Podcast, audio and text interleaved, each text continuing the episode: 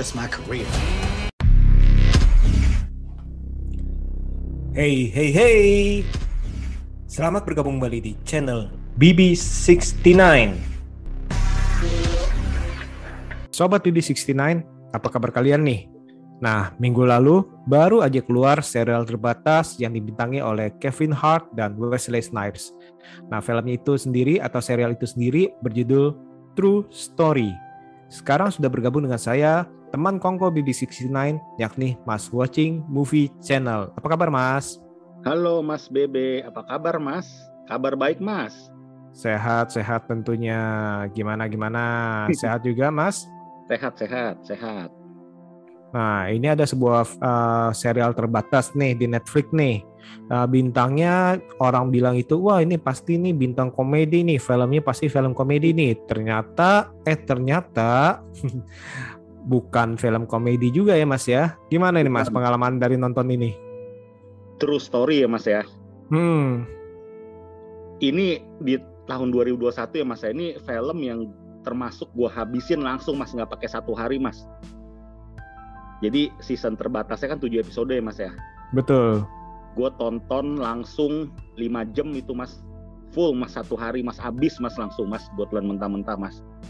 Wah, tumben-tumbenan nih. Kenapa nih? Kenapa? Sebelumnya belum pernah. Tahun 2021 paling maksimal gue nonton series tuh paling dua episode mas udah dua episode betul mas. betul dua episode terus nanti nyambung lagi beberapa hari kemudian gitu ya kalau ini kayak yeah. ini justru nih saya agak bingung nih wah ini kok tiba-tiba nih seorang mas watching movie channel ini bisa maraton istilahnya untuk menonton sebuah film yang mungkin bagi beberapa orang ini uh, terlewati dari radarnya gue yakin mas ini film mini series sampai tanggal sekarang ya mas ya mungkin masih dilewati mas atau orang tuh kalau udah lihat Netflix masih tuh ah nanti aja deh ah si Kevin Hart lagi gitu paling pikirannya mungkin hmm. kayak gitu mas. Nah sebelum kita ngomong ngomong soal panjang lebar mengenai film ini, kira-kira kenapa nih kemungkinan orang melewatinya? Hmm, karena satu mungkin ya kan kalau salah satu daya jualnya kan di poster ini atau di tiap film-film Kevin Hart kan mukanya Kevin Hart ya mas ya. Betul. Mungkin orang pikir ah Kevin Hart lagi nih komedi lagi ujungnya tapi mungkin dalam hati mungkin kalau orang yang cari pengen yang ringan terus apalagi ini kan series ya mas ya orang mungkin berpikir ulang kalau wah Kevin Hart series mungkin aromanya mungkin nih komedi-komedi konyol lagi mungkin pikiran orang mas betul betul bisa angkanya mungkin komedi situasi segala macam yang kayak di film-film apa film-film Will Smith zaman dulu seperti itu kali ya iya. atau mungkin dalam hati mereka ah Kevin Hart mungkin ntar deh kalau gue lagi moodnya lagi pengen ringan-ringan gitu mas. Pikirannya gitu mas. Nah tapi ada juga dong dan nanti kalau gitu misalkan kalau ada orang yang waduh aduh pikiran gue lagi mumet nih. Wah Kevin Hart. Pasti lucu nih filmnya nih. Ah coba nonton ini. Gimana itu mas? Tapi ada terganjal sama limited series ya mas. Ada mungkin hmm. ada wah ini kok series ya? Terus kayaknya pasti ada jadi bahan pertimbangan apalagi kan Netflix apa kalau kita lihat di peringkat 1 sampai 10 mungkin netizen plus 62 pasti lebih utamakan 1 sampai 10 dulu Mas pikiran Mas. Wah ada Hellboy hmm. nih. Terus ada apa Hometown Caca atau misalnya belum beres atau apa gitu ya. Hmm. Hellbound, Hometown Caca terus film ada film itu yang lagi rame juga tuh uh, film apa tuh ya Mas ya? Filmnya si yang main Olympus Has Fallen itu tuh juga gue tuh Night Hunter Hunter ya. Oh iya yang kapal selam betul. Hmm. Ya. Hmm dalam hati mungkin orang lebih milih film ringannya dalam hati mungkin ah filmnya situ deh. Film action gini deh mungkin mungkin ya mas ya. Tapi gue lihat betul. ya gue lihat mas waktu gue lihat di coming soon itu belum masuk ke satu sampai sepuluh mas. Dia nggak masuk satu sampai sepuluh tuh mas. Nggak masuk top 10 nya Indonesia tuh mas. True story hmm, mas. hmm. Hmm, sampai saat ini juga masih belum ya? Belum, belum. terus gue lihat wah ini yang baru ditayangkan gue tuh ini apa nih true story nih? Gue mukanya familiar sebelahnya mas. Gue lihat mas Hmm. Ini kayak gue familiar nih muka ekspresi kayak gini nih. Kalau angkatan-angkatan udah, udah tua nih pasti familiar nih. enggak, enggak sih, gue nih ekspresinya mas, ekspresi yang tanpa ekspresinya sih itu loh. Yang biasa kan dia kan jadi seorang kayak protagonis ya mas jagoan yang jarang hmm, tersenyum. Hmm, jagoan, kan, betul. Jarang tersenyum kan, ekspresinya seperti itu kan dingin dan ngeri kan si Wesley Snipes hmm. kan mas. Hmm, hmm. Ternyata ya udah gue tonton mas, tapi gue apa ya maksudnya tuh di awal pun gue masih nyangka nih film ringan, film penuh komedi mas sampai episode pertama baru berjalan 20 menit tuh mas yang dia ketemu di kamar itu loh mas yang toto di hotel itu loh hmm, hmm, hmm. itu gue masih betul. Mikir, ah, ini film ringannya komedi ya udah deh karena gue ada sedikit memang suka sama si Kevin Hart ya mas dia satu aktor yang hampir tuh film-filmnya emang gue nggak nonton semuanya mas tapi film-film dulu dulu itu bahkan gue selalu nonton terus mas dia mas hmm, Kevin hmm, hmm. akhirnya gue tonton sih mas. Dan kebablasan mas. Biasa tuh gue dua episode tuh gue pasti mikir ah udah otak gue istirahat dulu mas kalau nonton series mas. Hmm. jadi biar refresh lagi kita misalnya lagi bener-bener ngapa-ngapain tuh kita tuh udah dua episode cukup mas. Bagi gue tuh film dua jam tuh udah cukup sebenarnya mas. Eh, tapi ini lanjut terus mas. Apa nih yang jadi daya tarik uh, dari serial ini? Uh, untuk mas watching nih yang nah yang notabene ini cukup tanda kutip itu cukup memilih-milih yeah. serial karena waktunya itu kan cukup panjang ya. Iya, karena kalau gue bilang kok jawaban gue mungkin klise ya mas. Kalau dibilang tuh ini tiap episode bikin penasaran, nah itu sih mungkin klise ya mas ya. Hmm. Selain itu memang ada suatu apa ya mas ya magnet kuat mas di film ini kalau menurut gue mas untuk selera gue ya mas ya. Hmm. Bagi gue nih ada limited series ini ini ada suatu magnet kuat yang nggak biasa mas. Yang apa tuh? Kayak tiba-tiba tuh langsung apa ya gimana kita kan nonton terhipnotis. Bisa bisa kita nonton Kevin kan bawaannya auranya harusnya komedi bawaan hmm. dia tuh emang di sini pun masih ada bawaan komedinya masih kalau lihat ya masih cara dia ngomong Betul. cara dia walaupun dia benar-benar 100% serius di sini sih perannya ini benar-benar 100% serius ya Mas ya tapi betul, kan betul. kita lihat dia cara dia ngomong atau atau ocehan dia kan kadang kan masih ada lucu-lucunya juga kan Mas ya. Hmm, tapi hmm, hmm. di bawah sama sutradaranya atau di bawah sama uh, filmnya ini nih ke arah yang menegangkan Mas. Hmm. Menegangkannya tuh bermain apa ya bermain psikologis ya menurut gue ya mas ya. Psikologis penuh teka-teki terus penuh kayak kekhawatiran. Dan ini kayak kita sering ngalamin mas. Maksudnya tuh kita tuh gue ngerasa sih kayak ini related sama apa ya maksudnya related sama kejadian-kejadian umum yang terjadi di setiap manusia mas makanya okay. itu tertuang dalam sebuah scene si Kevin Hart sama si kakak beradik ini. Tapi ceritanya tuh sekilas gini mas ya, sekilas tuh ceritanya tuh biasa ya mas, tapi tuh jadi luar biasa mas karena kemampuan mungkin ya sang sutradara itu memilih para case juga mas, kayak efektif semua mas, semuanya efektif mas. Hmm, betul betul. Nggak ada scene tuh kayaknya tuh yang terbuang percuma mas, walaupun sekilas kita lihat film ini nggak dalam ya mas ya, penjabarannya nggak hmm. dalam atau cerita nggak dalam, tapi tuh semua tuh kayak efektif banget mas. Efektif mas itu mas. Dia betul, tuh nggak terlalu nggak terlalu menitik beratkan ke stand up komedi enggak loh. Dia nggak menitikkan ke stand up komedi atau kayak mau men, men apa menggolkan sebuah apa ya maksudnya tuh eh, tema yaitu stand up komedi enggak ini yang digali adalah hubungan sebuah hubungan yang terjadi kita ngebayangin kita jadi si Kevin Hart ya mas Hmm, hmm, sebagai hmm. penonton tuh kita harus ngebayangin kita sebagai Kevin Sate gimana tuh jadi dia tuh posisinya seperti itu mas. Iya iya iya iya benar sih benar. bagus bagusnya itu tuh. Ini nggak main-main lu film lu mas. Ini lebih hmm. bagus gue bilang bahkan ya daripada yang tahun 2020 lalu mas Queen's Gambit emang beda ya mas ya beda beda ini ya mas ya beda genre ya mas ya tapi secara hmm. keseluruhan nih kalau diadu tuh gue susah lo bilang nentuin pemenangnya mas Queen's Gambit loh Hmm. Oke oke oke.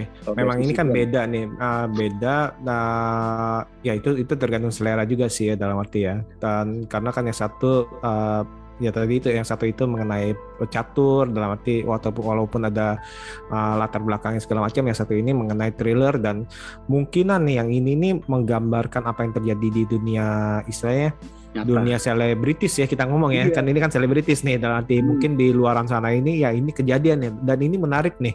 Nah iya. sebelum kita bahas uh, kita bahas lebih lanjut lagi mengenai karakter-karakter ini. Nih nah kalau dari segi apa segi kayak misalnya sinematografinya ataupun dari segi musiknya segala macam gimana mas? Ini bagus sih mas. Musik latarnya sih emang kalau musik sih dia musik-musiknya sih memang lebih ke ini mas ya. Kayak apa namanya kayak back sound gitu mas ya. Hmm, betul tapi tuh backsoundnya itu kalau pas lagi menegangkan mas. Lu lihat deh mas. Cocok ya? Cocok banget itu bikin kita tuh ibaratnya gue makan nasi sampai gini mah A, A, lama mas. A-nya karena kita saking mau perhatiin ini nggak mau ketinggalan nih mas. Nggak mau sedetik pun kita lihat nasi sebentar ke bawah gitu mas. Ibaratnya gitu mas. Hmm, ini film hmm. jujur nih kalau ditanya nih film selera gue banget kayak gini mas. Mas harus tahu mas Iya iya oke oke. Nah ya tadi yang kita udah ngomongin juga nih dalam film ini memang nggak bisa terlepas mengenai dari ceritanya ini yang mana kita ini terikat dengan karakter-karakter yang ada nih Mas ya, bener ya? Iya. Mulai dari karakter utamanya si Kit atau si Carlton tuh kakak-kakaknya tuh, terus iya. ataupun uh, fans die hardnya itu si Jean, terus Aduh. juga ada ada sang bodyguardnya si Herschel atau manajer yang seperti saudara si Todd dan jangan lupa juga dua mafia yang dua mafia plus adiknya si Ari. ini ini hmm. masing-masing ini punya punya saya bisa bilang itu punya sisi yang cukup menarik ya. Nggak hmm? sia-sia. Jadi tuh karakternya hmm. yang masuk nih case-nya nggak terlalu banyak, nggak sampai 10 orang, tapi tuh nggak sia-sia mas. Semua tuh di oh, dikasih porsinya tuh pas banget semuanya mas sama sutradara ya mas. Betul, betul. Nah, kita mulai dari siapa dulu nih? Dari penjahatnya dulu apa gimana? Penjahatnya boleh, penjahatnya nih mas, dua orang ini mas. Nah, gimana nih? Si Nikos dan Safas yang di mana itu adiknya juga si Ari itu adiknya itu si Ari itu Billy Zen itu kan juga ya, kita kenal juga ya terkenal juga tuh Billy Zen tuh. Nah. itu berkarakter banget mas. Itu dari si Billy Zen aja mas ya. Si Ari itu yang pertama kali mas. Ngeselin. Itu, itu cocok loh. Dia waktu itu sutradara milih dia tuh sebagai orang yang ngeselin orang yang kayak ketawa-ketawa tapi tuh kayak Betul. nyimpen apa ya maksud tuh nyimpen ancaman-ancaman ke si itu ya si dekit itu si kit itu ya itu pas banget pas sosoknya gede bajunya kayak sekilas kayak orangnya kayak apa kayak metroseksual gitu tapi kalau sekali hmm. ngomong lagi serius lagi ngancem tuh serem loh mas dia mas Ya awalnya sih kita pikir ini, oh ini orang ini santai banget bawaannya nih, bisa sambil, oh ya udah pokoknya lo pesen steak gini gini gini santai. Hmm. Tapi pas bicara soal duit, wah. Wow. Sosoknya udah beda tuh mas. Sosoknya udah beda ketika dia ngomong duit mas. Udah hmm. Dan Gimana nih? Sosoknya pas banget mas, gede, tinggi, terus e, cara ngomongnya kelihatan santai. Tapi tuh ketika dia lagi ancam ya mas, saya lagi mengancam si si Kit itu tuh bener-bener tuh auranya tuh dapat mas sebagai seorang kayak mafia gitu mas kayak orang yang kuat gitu mas hmm, ngeri mas hmm. itu mas dan gue kalau jadi posisi si Kit itu ya, Kit. ya mas ya itu itu memang kalau dia ya sebagai so dia gini masih Kit itu memang memang sekilas orang yang apa ya mas ya orang mungkin orangnya dia sebenarnya orangnya pengalah ya mas ya hmm, hmm. karakter apa maksudnya tuh dia ngalah tapi tuh dia nggak mau diinjak-injak kesan juga ya orangnya ya mungkin karena udah udah jengah udah istilahnya udah bosen istilahnya dari dulu itu diinjak-injak terus seperti hmm, itu. Iya. Dan di saat dia lagi benar-benar mau bangkit banget, mas, maksudnya itu bukan bangkit, terus itu dia benar-benar namanya kan lagi bagus kan Puncak, dia lagi, betul. Kayak lagi bagus, terus dia kekayaannya bagus, tiba-tiba ada hal seperti itu ya dia harus memutuskan sebuah keputusan yang sangat sulit mas di dekit sikit itu mas. Betul Jadi, betul. Dia bangun bangun dari tempat tidur itu ya dia ya kita kayak diajak benar-benar tuh situasi manusia atau kita sendiri tiba-tiba tuh mengalami sebuah hal yang kita nggak sangka-sangka mas itu mas. Iya bener sih dalam arti aduh mati lah dalam arti gue lagi puncak-puncaknya nggak tahu gara-gara ini awalnya gue nggak mau tapi kan karena disuruh sama saudaranya jadi istilahnya ikut-ikutan nggak tahunya jadi kayak gini.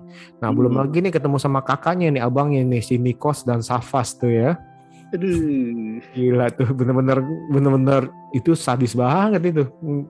Itu itu kalau dibikin film No Country for All Men bisa nih Mas lanjutannya tuh Mas. Jadi serius. Itu sosoknya ngeri loh Mas dua orang itu satu kelihatan kayak cupu-cupu masih hmm. si, si Safasnya yang, yang tua Safas Betul. ya. Yang tua Nikos. Oh Nikos iya kelihatan kayak cupu-cupu kalau si Safas nih bagian jagal ya mas tukang jagal di masih nggak Betul. Tapi si Nikos itu bagian tenangnya. Iya Nikos tenang tapi dia tuh otaknya mas sebenarnya mas dia tapi tuh dia betul otak, betul. Di situ dia lebih sadis pada Safas loh. Hmm. Gila itu sampai yang gue pengen itu pas dia bilang mama dia ngomong tentang mamanya itu mas mama nih hmm. bilang nih ini HP dia sampai ekspresi itu gila tuh keren loh mas itu mas yang pas keluar dari rumah itu ya keluar dari rumah itu ya ini nih ini ini harus dimatiin nih orang nih ini harus nggak bisa ini nih pembalasan harus nyawas gila itu ngeri loh mas ngomongnya mas anjir itu mas kalau gitu itu tuh emaknya juga mafia juga tuh ya, gue rasa iya. tuh ya. itu gue bayangin jadi si Charlton mas, duduk belakang gitu apa nggak jantungan mas itu mas. Iyalah, itu pasti panik tuh ya. Aduh, mati deh gue, mati deh gue nih kalau salah ngomong dikit mati deh gue nih. Apalagi dia bilang gini, ayo ikut gue, karena ikut kita. Aduh gitu mas itu udah sanok dia mau nolak ketahuan ya. Dia nolak ketahuan, terjadinya dia ada terlibat konspirasi, tapi nggak nolak juga. Aduh gila, pusing mas itu mas. Betul betul betul. Gila itu benar-benar emang serem sih misalkan kalau apalagi misalnya oh nih intro integrasi apa uh, satu orang temannya si Carlton tuh yang ditangkap tuh.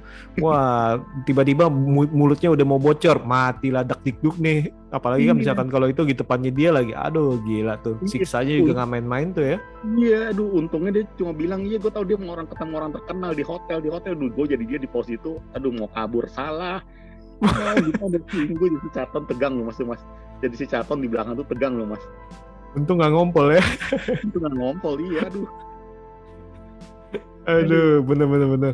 Itu emang gila nih. Ini uh, dua orang ini memang cocok sih nih. Sebenarnya tiga sih sama tadi itu si apa Billy Zen itu itu cocok iya. cocok banget tuh si Ari itu uh, lebih selengean, terus habis itu lebih ya itulah uh, kadang-kadang bercanda. Dia bercanda tapi dia mungkin otak juga otaknya ya Betul. Terus juga kalau si Nikos kan apa uh, dia tenang, dia mikirin segala macam. Kalau si Safas itu yang tengah-tengah malah lebih apa? Lebih geradak geruduk sih, lebih iya. nafsuan ya. Tukang iya. eksekusinya Mas, eksekusinya dia. Iya itu gila, tukang tukang jagalnya. Nah, gila, berikutnya nih. Uh, kita masuk ke karakter Jin, seorang istilahnya uh, fans fanatik Berarti, nah menurut Mas ini kalau dilihat dari karakter Jin ini uh, apa nih yang menarik? Soalnya kalau menurut saya ini cukup menarik nih dari istilahnya dari awal sampai akhirnya pun dia itu uh, menurut saya ada sisi menariknya nih Mas. Gimana Mas? menurut Mas? Waktu pertama kali dia muncul Mas di layar ya Mas, gue udah punya feeling nih apa nih orang nih foto-fotoin handphone diarah-arahin dengan muka mimik gilanya itu Mas mimik orang itu Mas orang kayak sakit Mas jujur Mas ya tanda kutip hmm, ya. Hmm, hmm hmm. mimiknya loh mimik ketawanya itu loh yang kayak orang seneng yang gimana gitu loh hmm, betul senyumnya itu loh muka muka muka apa ya muka orang antusias gitu mas muka orang kayak seneng buat Tra kayak kayak banci-banci tuh kayak nggak sorry kayak orang tuh yang uh, gitu kayak, kayak, kayak melambai hmm. tapi cowok gitu loh Hmm, hmm, yang terlalu antusias mungkin kali ya, karena iya, apa die hard fans betul. Iya, itu ada teman-teman kita kalau kita dari SD mas ya, kita hmm. dari SD ya, maksudnya kita kita pengalaman kita misalnya dari SD dari SMP tuh ada tuh tipe-tipe karakter orang seperti itu mas. Bukan soal ngefans sama seseorang ya cara ngomongnya tuh ada kayak gitu mas. Orang seperti itu ada memang mas. Kok gue sih pernah nemuin tiap tiap sekolah tuh SD SMP kuliah tuh ada kayak gitu mas. Yang punya karakter tuh seperti itu mas. Kesannya melambai tapi tuh kayak kalau misalnya kalau Harry Potter gitu misalnya demen Harry Potter tuh apa sampai kayak gitu gitu ngerti mas. Maksudnya tuh menggilai suatu itu sampai kayak gitu ada banget dalam kehidupan itu kalau ini sih Die Hard fans sih bener-bener nah Die Hard fans sih soalnya apa dia sampai ngoleksi dari apa pertama kali main film segala macam kan di clipping ya sama dia ya hmm. bahkan diikut-ikutin semua dalam arti dia pergi ke mana diikuti pokoknya setiap kali dia istilahnya uh, manggung uh, berusaha diikuti sih dan itu uh, menggambarkan mungkin ini sebagai tanda kutip ini sindiran juga sih dari apa para selebriti selebriti yang merasa terganggu uh, terhadap uh, fans yang terlalu fanatik gitu. Soalnya kita nanti uh, fans yang biasa sih oke, okay, tapi kadang-kadang itu yang udah terlalu fanatik sih ya kadang-kadang kan uh, masa sih dia lagi pergi sama keluarganya didatengin di foto misalkan kan kayak gitu-gitu kan uh, mungkin kan uh, agak terganggu ya. Ini ini di luar paparazzi nih dalam arti tapi kan ini fans yang die hard fans seperti itu. Ini, ini kayak gue mas, mas. Ini kayak hmm. gue tuh zaman-zaman sebelum lima tahun terakhir ya mas ya dulu gue tuh waktu gue SMP SMA tuh gue ngefans sama Nirina Zubir mas. Hmm, hmm sampai segitu mas dulu mobil atau pos tembok buat pos buat gue gunting-gunting gue tempel ke itu mas di wallpaper mas. Serius mas. Umur berapa? Itu umur belasan lah. Nah kalau belasan kan masih masih masih oke okay lah. Tapi kalau ini kan kalau dilihat ini oh, iya, iya, fans iya, iya. kan sampai umur 30 40 itu ya itu dia tuh yang fanatik banget kan. Itu mau sampai. mau mau musik kayak mau film kayak itu pasti ada sih. Iya kita kalau ngefans sama seseorang ya atau kita suka sama suatu grup atau selebritis ya memang kadang bisa seperti itu sih mas tapi kita masih dalam batas-batas ya seperti itu mas saking gilanya mas hmm, saking hmm. fansnya gitu loh bisa seperti itu bisa ngumpulin clipping-clipping atau ngumpulin uh, foto-foto dia gitu loh. Betul Dan betul betul. Karakternya memang apa ya? Memang tuh setiap artis memang ada yang seperti itu sih Mas. Ada fans beratnya tuh yang sampai sebetulnya ada. Bahkan sampai uh, apa ngambilin tong sampahnya dalam arti berani membayar istilahnya tukang sampah untuk uh, untuk uh, istilahnya memberikan sampah-sampah daripada uh, artis favoritnya. Iya. Itu kan gila banget gitu. Betul Hmm. Nah, kalau yang ini nih yang yang saya salut ini dia pun sampai istilahnya saking cintanya terhadap uh, apa uh, orang yang dia kagumi, dia tetap menutup mulut tuh. Itu itu benar-benar dia uh, kan istilahnya dia kan uh, menimbang-nimbang tuh yang di uh, di terakhirnya itu dia menimbang-nimbang nih apa yang harus dilakukan nih. Tapi dia menimbang-nimbang dan akhirnya dia memutuskan karena dia ini istilahnya saking ngefans ya, ya dia mau melindungi orang yang dia puja gitu Mas ya. Ini sih benar-benar tapi hmm? di satu sisi untuk bagi sikit ya Mas ya. Hmm. Walaupun dia kata Mas kan dia sampai mengorbankan jiwa ya. Hmm. Kan rahasia terbesar ya.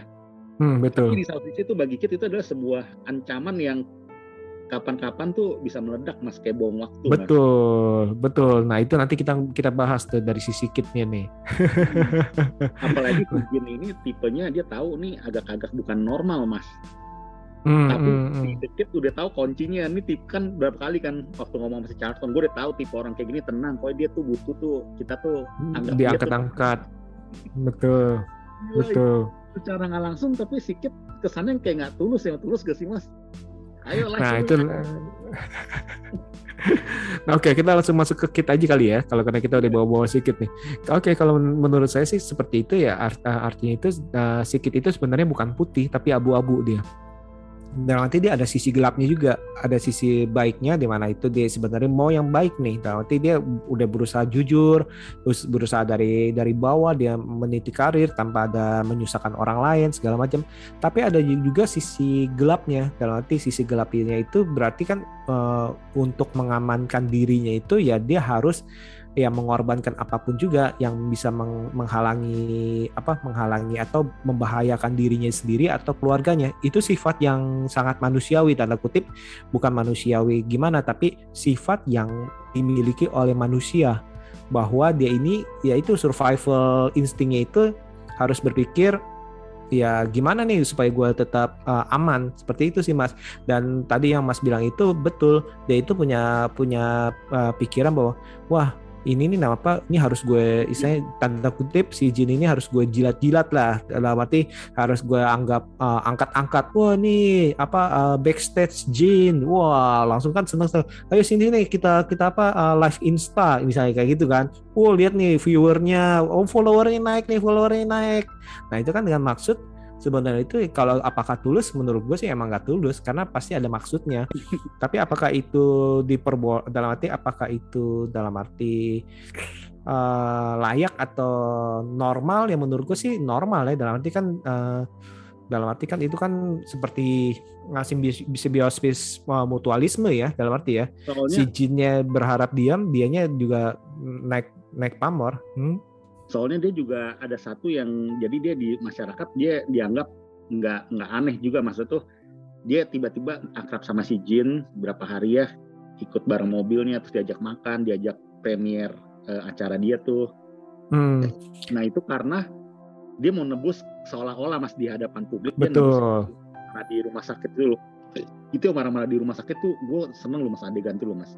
Betul ekspresi si Jin tuh benar tuh kayak orang tuh yang benar-benar kaget. Kecewa. Mas. Betul. Kaget besar dia, Mas. Hmm. Nah, itu dia. Ternganga-nganga dia udah nggak kasih kesempatan ngomong itu, Mas. Betul, betul. Nah, itu dia dalam arti gini Uh, kalau kalau kita lihat dari kejadian-kejadian para selebriti dalam arti ya kejadian-kejadian yang kita uh, lihat di media sosial segala macam itu fans yang terlalu fanatik bisa menjadi istilahnya dua sisi. Yang satu bisa menjadi mengangkat tapi yang satu itu bisa membahayakan. Kenapa? Misalkan suatu saat itu mereka nggak puas atau kecewa kecewa itu baik itu tadi itu mungkin uh, apa fansnya lagi ngomong apa terus habis itu di istilahnya ternyata itu uh, aktor atau istilahnya idolanya itu salah ngomong atau lagi lagi istilahnya lagi have a, having a bad day.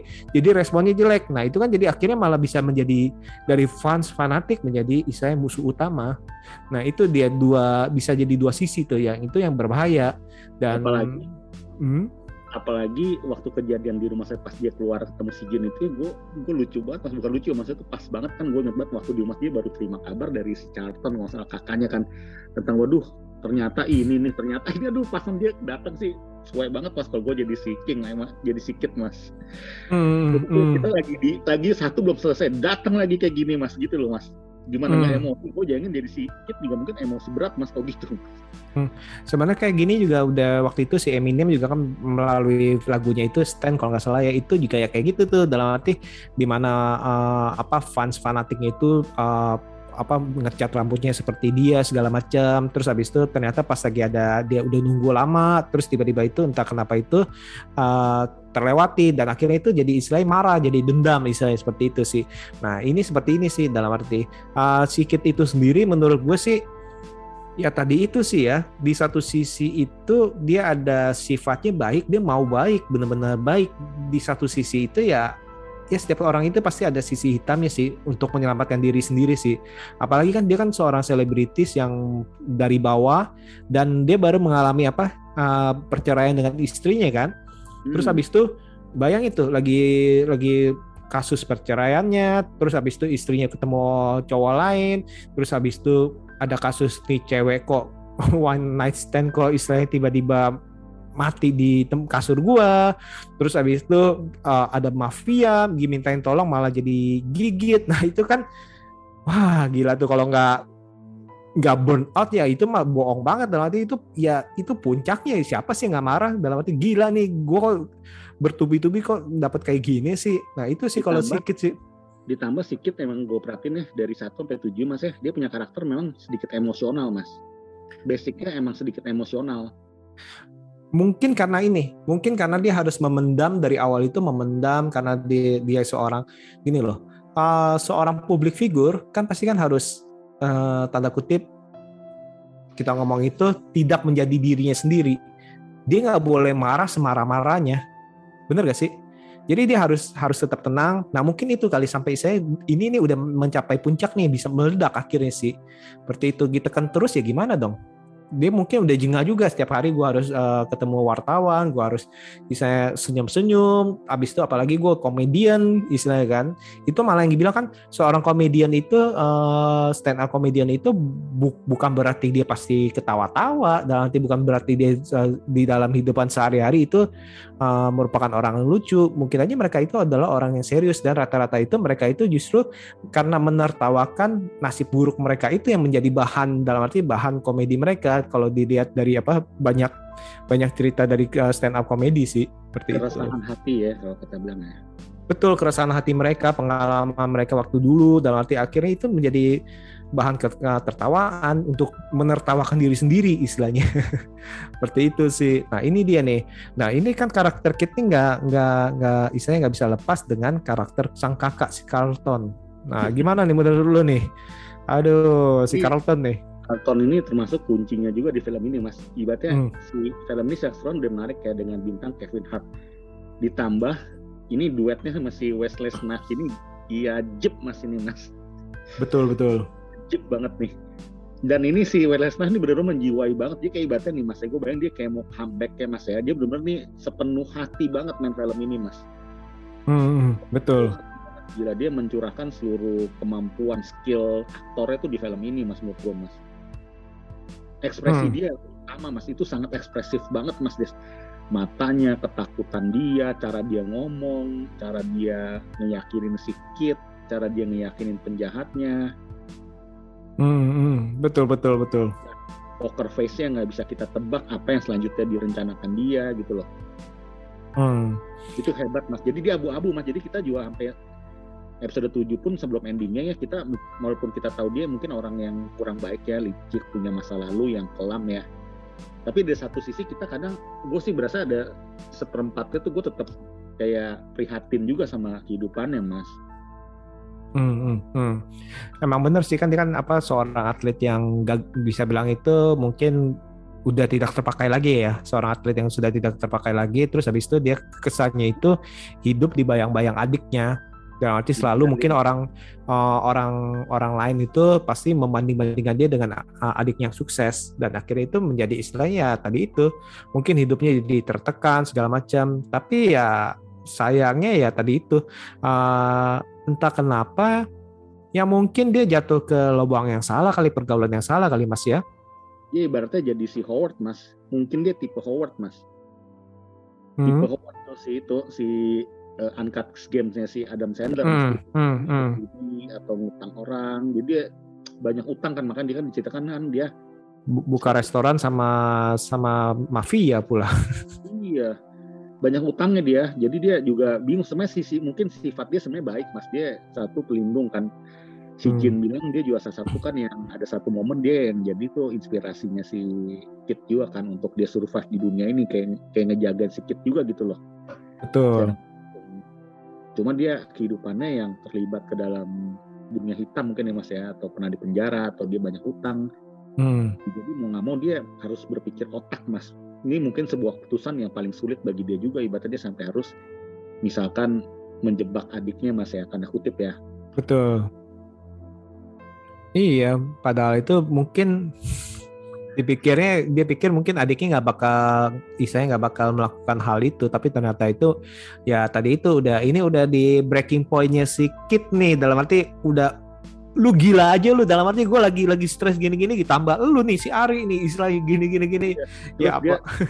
terus dikit sedikit dia bilang ya lu selalu gini bilangnya lu bisa akan berhasil lu akan berhasil nanti lu akan berhasil. Tapi buktinya apa? Buktinya apa? Buktinya itu dalam banget mas kata-kata sedikit tuh mas hmm.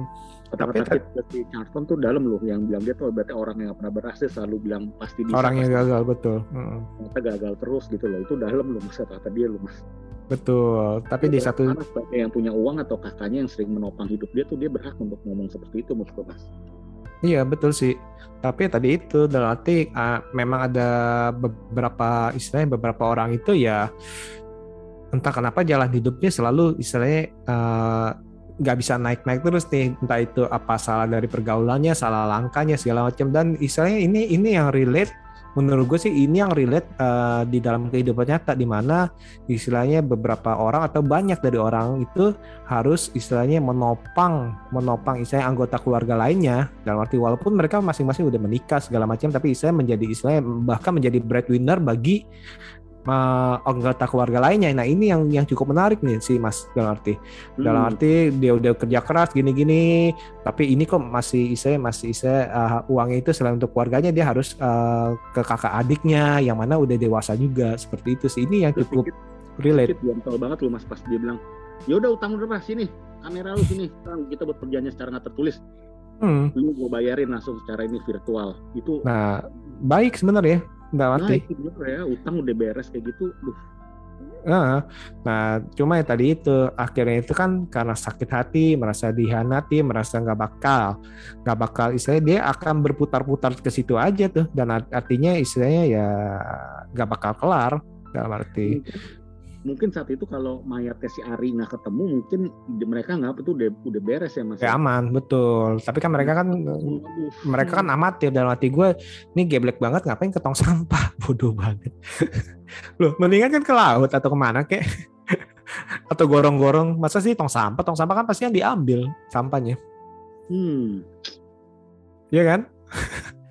Kalau nanti pas dimasukin ke tong sampah gue bilang aduh nih on banget sih. Masa sih nggak pernah lihat film-film sih. Masa ke tong sampah? Tong sampah kan diambil sama tukang sampah. Loh bener gak tekanan tekanan tekanan penjahat si Nikos sama si Fasas itu serem loh mas pas tahun ini meninggal.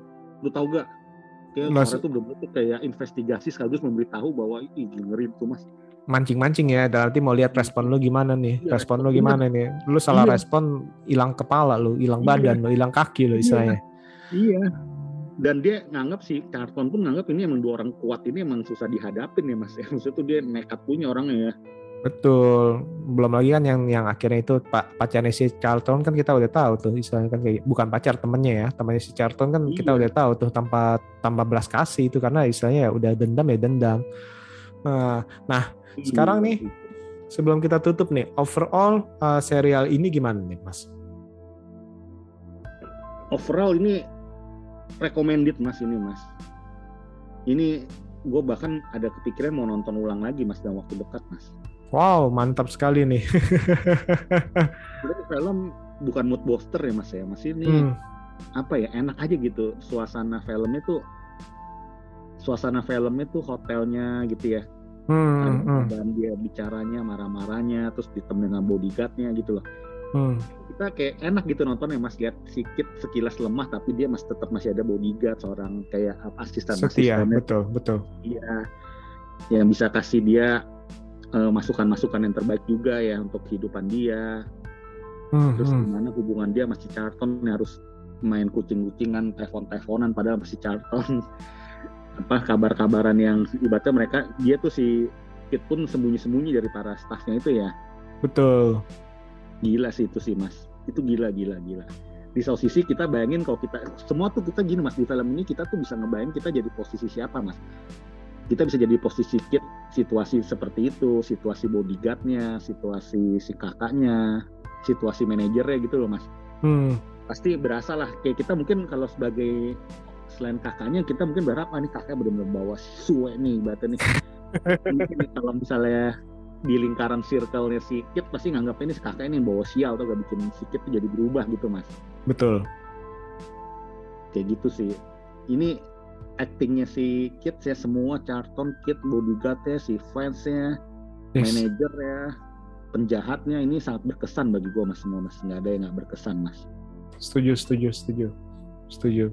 Iya betul. Saya setuju nih sama Mas Watching nih. Ini film ini uh, layak ditonton bahkan wajib ditonton sih. Sayang sekali kalau ini uh, terlewati di radar. Terlewati. Cuma ya kalian tadi itu jangan jangan berharap bahwa Oh, Kevin Hart pasti akan mah ketawa-tawa. Jangan, jangan, jangan. Ini justru ini pembuktian si Kevin Hart ini bisa bermain serius nih dan benar-benar serius nih. Mungkin sih menurut gue ini kenapa dia bisa bagus karena uh, dia mungkin menurut gue sih ada ada beberapa hal itu relate sama dia sih. Jadi saya dari tatapan matanya, dari gestur tubuhnya, dari dia marah, dari dia saya sedih itu uh, menurut gue sih menjiwai sekali sih menjiwai sekali. Apalagi si apa Wesley Snipes juga nih gue berharap sih ini sih comebacknya dia sih kan dari tahun 2019 kan kalau nggak salah kan dia udah main di Dolomite Is My Name tuh sama Eddie Murphy tuh. Oh, iya, iya. terus selain itu juga Coming to America yang kedua tuh sama Eddie Murphy juga nih. Menurut gue sih semoga semoga nih ini menjadi suatu, suatu titik balik lah. Setidaknya itu tolonglah dilihatlah.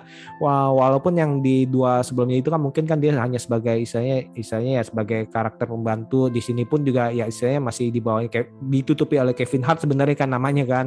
Tapi kalau melihat dari actingnya dia masih bisa bersinar sih. Dan gue berharap itu ke depannya dia semakin lebih dilihat oleh para studio. Oke oke. Keren keren. Wajib ya. Wajib nonton ya. Wajib okay. persen wajib mas ini mas. Ini sembilan setengah dari sepuluh mas. Waduh mantep mantep sembilan setengah dari sepuluh mantep nih. Jadi jangan kalian ini jangan ragu-ragu nih untuk nonton nih. Cuma tujuh uh, luangkan waktu dan pasti kalian akan mendapatkan tontonan yang keren, uh, bukan yang uh, bukan yang murahan. Bukan kaleng-kaleng nih mas. Ini emang sih genrenya kita bukan masuk ke action ya mas ya, bukan ya mas ya. Bukan. Thriller pun ya gimana ya Thriller thriller misteri kali. Misteri tapi yang penuh kehangatan ya mas kelihatannya mas ya. Iya betul. Seperti itu. Ini, ini bagus bagus harus nonton di Netflix. Sayang. Jadi kalian buka Netflix kalian cari True Story dan itu tonton satu episode aja pasti kalian akan penasaran terus terus terus terus dan terus. Oke okay, Mas Watching, ini thank you banget nih untuk uh, pembicaraan uh, film apa serial True Story ini. Semoga di lain waktu kita bisa membahas film-film atau serial-serial yang tentunya yang keren-keren, yang berbeda dan apalagi ini udah mulai masuk Desember nih, kita berharap nih ada sebuah film yang hangat. Oke. Okay. Sekali lagi saya ucapkan terima kasih untuk Thank Mas you. Watching dan para sobat BB69. Terima kasih dan see you. Thank you.